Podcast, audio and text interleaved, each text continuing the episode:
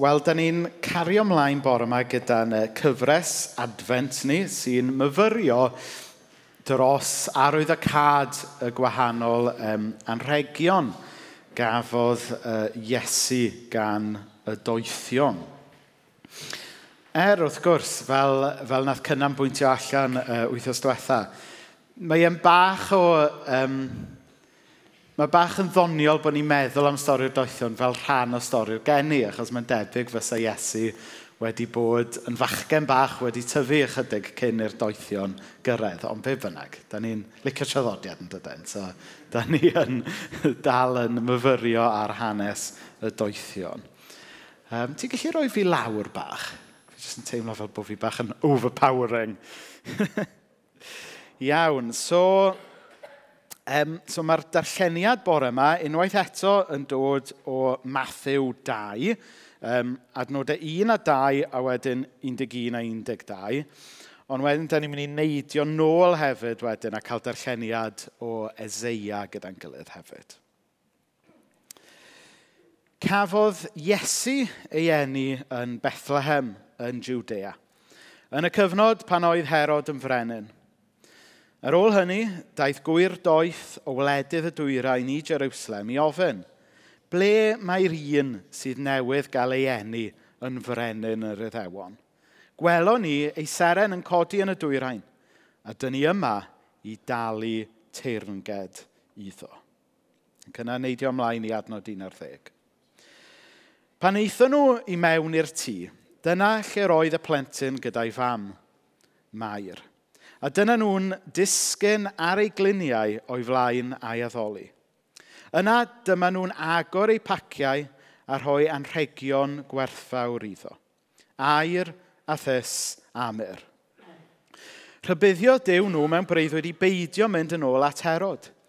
Felly dyma'r gwir doeth yn teithio yn ôl i'w gwlad ei hunain ar hyd ffordd wahanol. A wedyn am yr ail ddarlleniad bore yma, da ni'n mynd yn ôl i broffidoliaeth Ezeia, penod um, 53. Pwy a gredau'r hyn a glywsom? I bwy y datguddiwyd braich yr arglwydd? Fe dyfodd o'i flaen fel blagurin ac fel gwreiddyn mewn tir sych. Nid oedd na ffrid na thegwch iddo na harddwch i'w hoffi wrth i ni ei weld. Roedd wedi ei ddirmygu a'i wrthod gan bawb, yn ŵr clwyfedig, cyfarwydd a dolyr.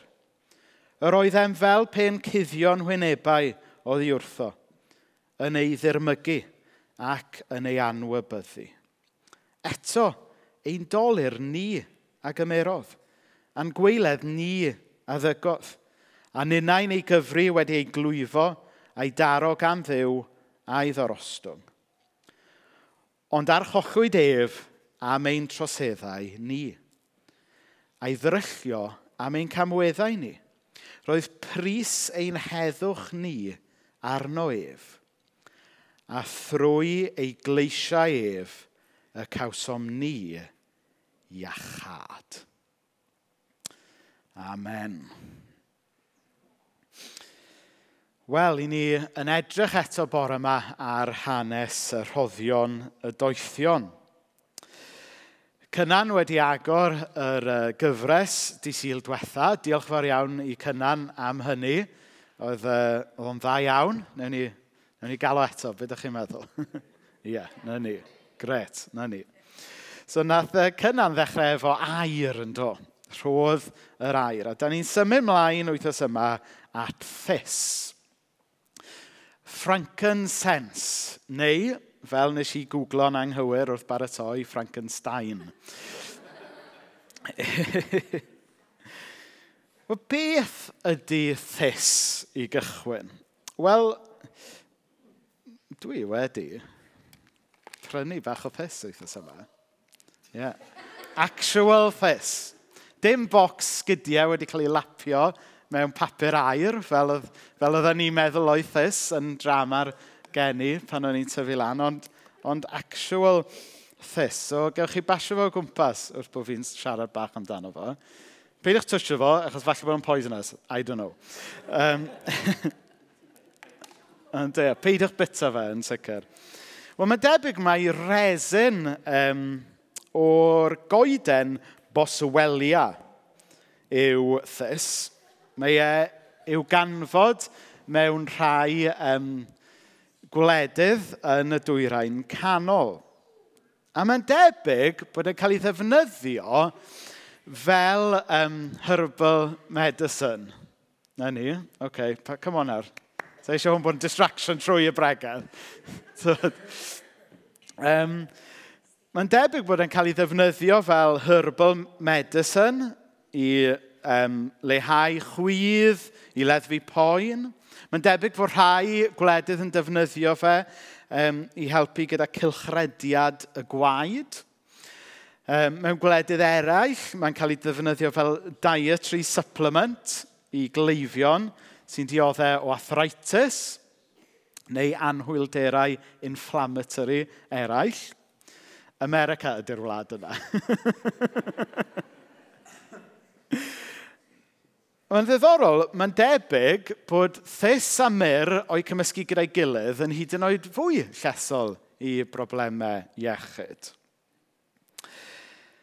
Ond, yn y cyfnod pan gath Iesu i eni, oedd e yn un o'r elfennau, un o'r tools os hoffech chi, oedd yn cael ei ddefnyddio ar gyfer addoliad yn y deml oedd e'n cael ei losgu yn y deml, fel, fel rhywbeth o e, incense, a oedd yn rhan o greu yr, um, yr awyrgylch oedd nhw isio yn y deml ar gyfer addoliad. Felly mewn geir eraill, oedd e'n un o'r pethau, yn un o'r tools, oedd yr offeiriad yn y deml yn ei ddefnyddio. A spoiler alert, mae hwn felly yn pwyntio ni ymlaen – at Iesu fel yn offeiriad ni. Ond, cyn i ni sôn am Iesu, beth am yr arch offeiriad yn amser yr Hen Testament? Wel, yr arch offeiriad oedd y ffigwr mwyaf pwysig y mywyd crefyddol Israel, heblaw am Iawe ei hun wrth gwrs. Yr archoffeiriad byddai'n gorychwilio holl waith y deml, Yr addoliad a'r defodau o gyflwyno aberth yn y deml. A wedyn, unwaith y flwyddyn, um, ar ddydd y cymod, byddai'r archoffeiriad yn mynd mewn i'r man sancteiddiolaf, yr Holy of Holies, ac yn cyflwyno aberth am ei bechodau fe ac am bechodau pawb arall. Y syniad oedd fod yr archoffeiriad yn mynd mewn i bresenoldeb dew yn y man sancteiddiolaf yn y deml. Ac oedd e'n mynd mewn i, bersenol, i um, bresenoldeb dew ar ran pawb arall. Ac yn mynd a cyflwyno aberth ar ran holl bobl Israel. Hynny yw, mewn geir eraill, oedd yr archoffeiriad yn rhyw fath, rhyw fath o bont rhwng Dyw a'r bobl. Oedd e'n sefyll yna fel pont rhwng Dyw a'r bobl. A byddai'r aberth, byddai'r archoffeiriad yn ei gyflwyno yn gwneud iawn efo Dyw ac yn iachau pobl o'i pechodau, ddim bod yr aberth i hun oedd yn wneud hwnna, ond yn edrych, oedd e'n symbol, oedd e'n... yn down payment, os hoffech chi, am y gwir offeiriad byddai'n dod a gafodd i enni yn Bethlehem gan rifoedd wedyn. Hyd y dydd y byddai'r myseia'n dod, oedd rhaid i'r archoffeiriad yn deml ailadrodd y defod yma blwyddyn ar ôl blwyddyn. Oherwydd, mae beth oedd y defod yma oedd cysgod o be fyddai'n cael ei gyflawni yn Iesu Grist ar y groes. Nawr, un o'r pethau da ni um, mynd i fod yn neud no sil nesaf ydy canu rhai carolau poblogaidd, ond hefyd rhai carolau plygain. Um, a mae plygain yn um, draddodiad Cymreig o um, ddathlu uh, yn adolyg a canu mawl yn amser yn adolyg. Ac un o'r pethau sy'n neud carolau'r plygain yn unigryw yw bod nhw'n mynd trwy holl stori y Beibl. Nawr, fyddwch chi'n falch yn clywed bod ni ddim mynd i ganu yr holl benillion, achos mae rhai o'r carolau plygain gwreiddiol yn yn 12, 15, 20 pennych, a maen nhw llythrenol yn mynd o Genesis i datgyddiad gyda stori'r geni yn y canol rhywle. Nawr, mae cyneuon ffydd wedi torri nhw lawr i 3 neu 4 pennill uh, tywa, mwyaf, mwyaf perthnasol. So, dyma ond yr penillion yna byddwn ni yn canu. Ond, ond, ond y pwynt ydy, mae'r Carol y Bregan yma, un o'r pethau sy'n ei nhw'n hyfryd, yw bod nhw'n mynd trwy stori fawr y Beibl a dangos sut mae geni'r Meseia yn ffitio fel, um, fel crwcs, well, crwc, ystyr crwcs ydy croes, ynddo, fel crwcs i ganolbwynt y stori. A mae hwn yn arbennig o wir wrth i ni drio neu sens o beth yw'r cysylltiad rhwng thys ac aberth a cyflwyno aberth a wedyn Iesu yn dod fel um, offeiriad i ni. Wel, dwi am edrych yn sydyn ar un o penillion y garol plygain yma gan eos ial. So, da ni'n mynd i wneud bach o astudio llenyddiaeth gyda'n gilydd yn, yn sydyn bore yma. So, gwrandewch ar y pennill yma iawn. Byddwn ni ddim yn canu hwn o sil nesaf, achos bydd pobl bydd yn dod o'r tu allan, ddim yn gwybod be ni siarad am. Gorffwyswch bellach. Be, oes rhai pobl yn gwybod yr alaw yma, so Um, o ie, da ni wedi canu fo eisoes, do. Gorffwyswch bellach, canwch gyda fi, gorffwyswch bellach lefiaid, cafwyd iawn, cafwyd iawn, nid rhaid wrth anifeiliaid, cafwyd iawn. Cafwyd iawn. Diflan i wnaeth y cysgod, mae'r sylwedd wedi dyfod, nid rhaid wrth oen a bichod, cafwyd iawn, cafwyd iawn, na ffeirw na thirtirod, cafwyd iawn. Nawr, ar yr olwg gyntaf, mae'r geir yna, bach yn weird. a dweud y lleia. Ond beth, beth sy'n mynd mlaen yn, y, yn yr pennill anhygol yma o'r garol plygain ydy sôn am beth oedd, yr, beth oedd yn digwydd yn y deml, yn yr hen amser. Cyflwyno yr anifeiliaid. Dyw hwn ddim yn, sort of, yn vegan a vegetarian friendly yr, yr bennill yma. Ond nhw'n cyflwyno yr anifeiliaid fel iawn, fel atonement am bechodau. Ond, sylwch, ond, yma'r ond yn bwysig, diflannu wnaeth y cysgod. Just cysgod oedd yr holl anifeiliad yma oedd yn cael. Mae'r sylwedd wedi dyfod. Beth oedd y sylwedd? Iesu Grist i hun. Fe ddath Iesu, fe ddath y sylwedd. Ac felly, dyna pam da ni ddim yn cyflwyno teirw na i'r fel aferth yng Nghaer Salem. Achos mae'r un aberth perffaith am bechodau ddoi heddiw ac yfori wedi dod. Wedi dod mewn i'r byd y Methlehem. A fe ath llwybr Iesu wedyn ac e wrth gwrs i'r groes. Ac felly mae symboliaeth y thys, lle mae'r thys di cyrraedd erbyn hyn? Dyma ni. Diolch Fethan. Dyma ni. Felly mae'r mae thys yn atgoffa ni o, o'r rôl offeiriadol yma oedd gan Iesu. Yn sefyll fel pont rhwng dew a pobl, rhwng dew a dyn. Mae ein atgoffa ni hefyd, fel o'n i'n sôn, am y gwerth um, medicinal, y gwerth um, iachusol sydd i thys. Bod yn rhywbeth oedd yn cael ei ddefnyddio, sydd dal yn cael ei ddefnyddio mewn rhai diwylliannau, i ddelio efo afiechydon ac yn y blaen.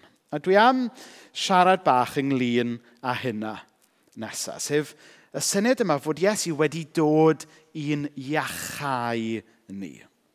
Nawr fi'n arbennig o hoff o'r syniad yma fod Iesu wedi dod i'n iachau i ni. Fod Iesu wedi dod fel meddyg, fel meddyginiaeth i fyd ac i bobl sydd yn sal. Chi'n meddwl am yr adnod na nes i ddarllen o broffidolaeth Ezeia. A thrwy ei gleisiau ef, y cawson ni be? iachad. Iachad. Iachad llawn. Iachad ar bob lefel. Chos chi'n meddwl am y peth, yn gardd Eden, be wnaethon ni ddal oedd afiechyd. Afiechyd, pechod a marwolaeth. Ond yn Bethlehem, be ni'n ffeindio ydy'r antidot. Be da ni'n ffeindio ydy'r iachad. Iesu yn ei fywyd, i aberth a'i atgyfodiad, i ni'n ffeindio yr iachad neu'r brechlyn os hoffech chi, sydd yn iachau ni o'r, or afiechyd yma sydd wedi syrthio ar ddynolrhyw. Cofio, fi'n amlwg bod fi wedi cael wythnos llenyddol iawn wythnos yma, ond cofio dair blynedd yn ôl pan o'n i yng nghanol grip y pandemig. Nath y bardd Cresnogol John Emyr gyhoeddi'r englyn arbennig yma. Er blwyddyn lem y pandemig, un byd daw balm yn galenig. Daw o'r glyn frechlyn i'w frig. Daw o'r boen fyd arbennig. A be mae John yn gwneud? Mae'n rhaid chi fynd nôl tair blynedd i wir werthfarogi be mae John yn dweud fan hyn. Oedd, oedden ni'n hanol grip y pandemig ac oedd, yr, um, oedd AstraZeneca a Pfizer ac yn y blaen newydd ddod allan gyda'r... Ac oedd na obaith yn dweud. Oedd, oedd y pandemig dal o'n cwmpas ni, oedd pobl dal yn sal, pobl yn sal iawn. Ond oedd na obaith achos bod y brechlyn wedi dod.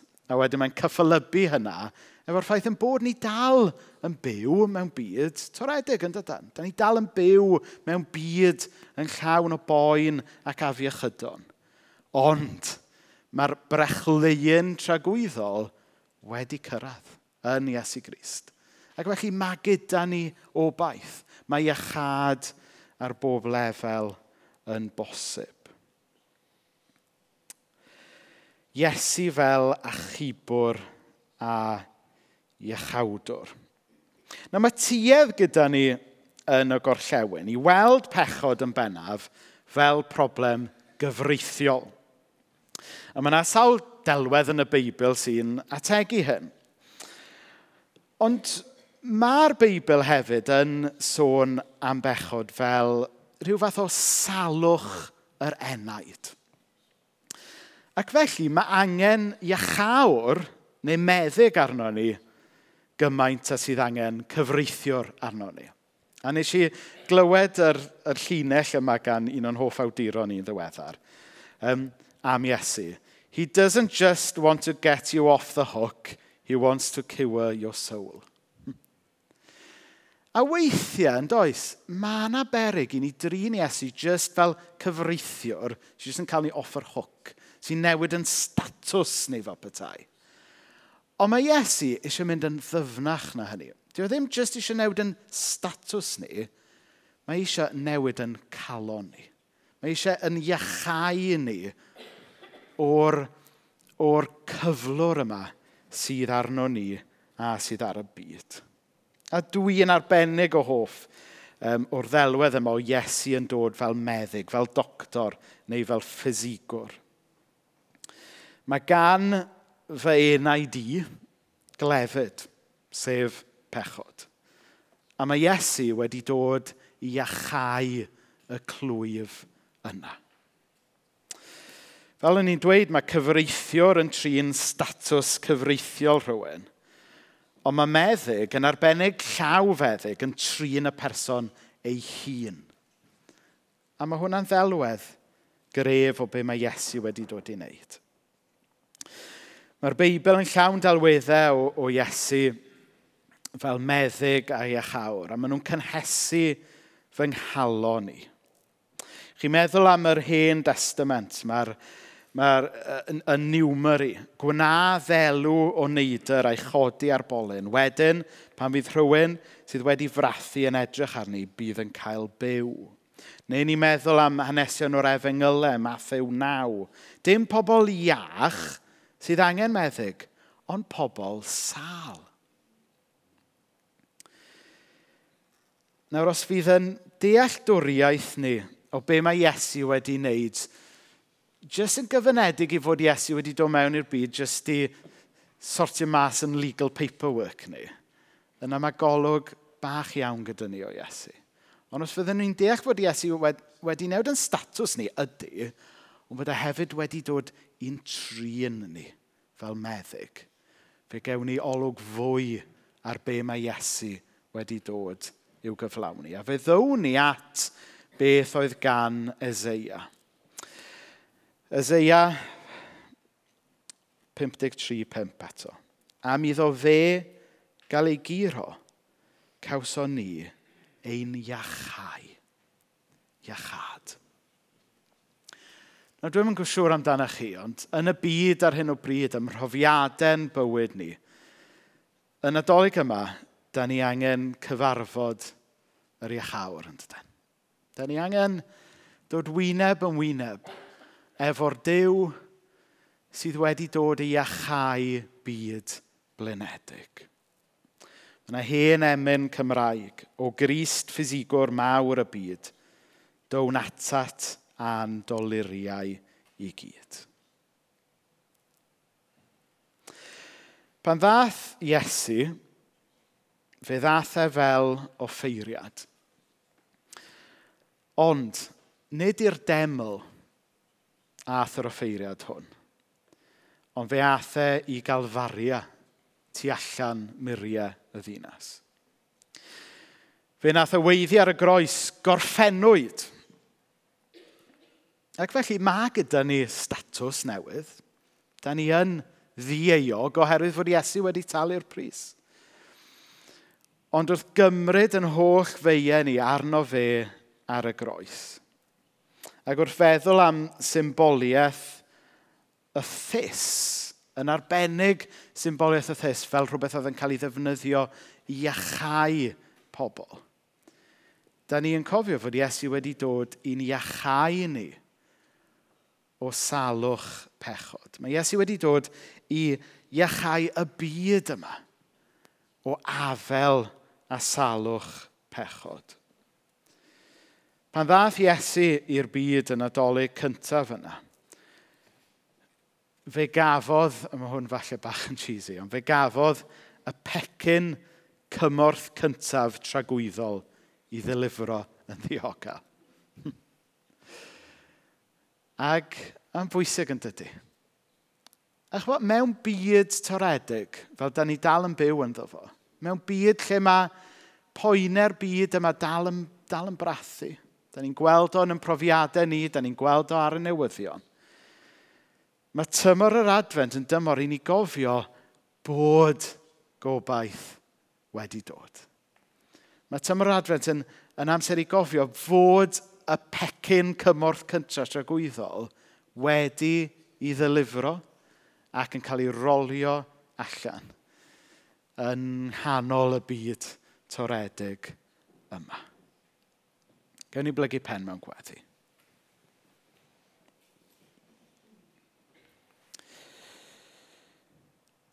Wel, y ddiw dad, da ni jyst yn dod ato ti bore yma. Um, Da ni'n dod ato ti falle yn doredig o ddiw dad. Da ni'n dod ato ti yn, yn llawn ofne falle. Da ni'n dod ato ti yn ymwybodol bod yn bywydau ni yn aml iawn wedi i torri mewn sawl ffordd o ddiw dad. Bod, bod yn perthnasau ni yn aml wedi torri. Fod yn perthynas ni efo ti falle yn doredig. Fod yn perthynas gyda'n byd wedi torri Um, ac felly, da ni jyst yn cyflwyno yn, yn bryder a'n pechod i ti o'r newydd bore yma. Ond da ni diolch o ddiw dad fod y rhodd o thys yn atgoffa ni bod ti yn offeiriad i ni. Mae ti yw yr un sy'n pontio ni gyda Dyw ei hun. Da ni'n diolch fod yna ffordd mewn at ddew gyda a trwy Iesu Grist.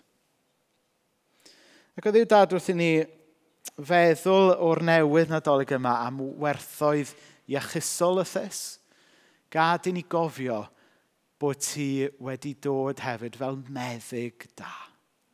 I ti wedi dod fel meddyg i administratio y brechlyn oedd y byd toredig yma ei angen.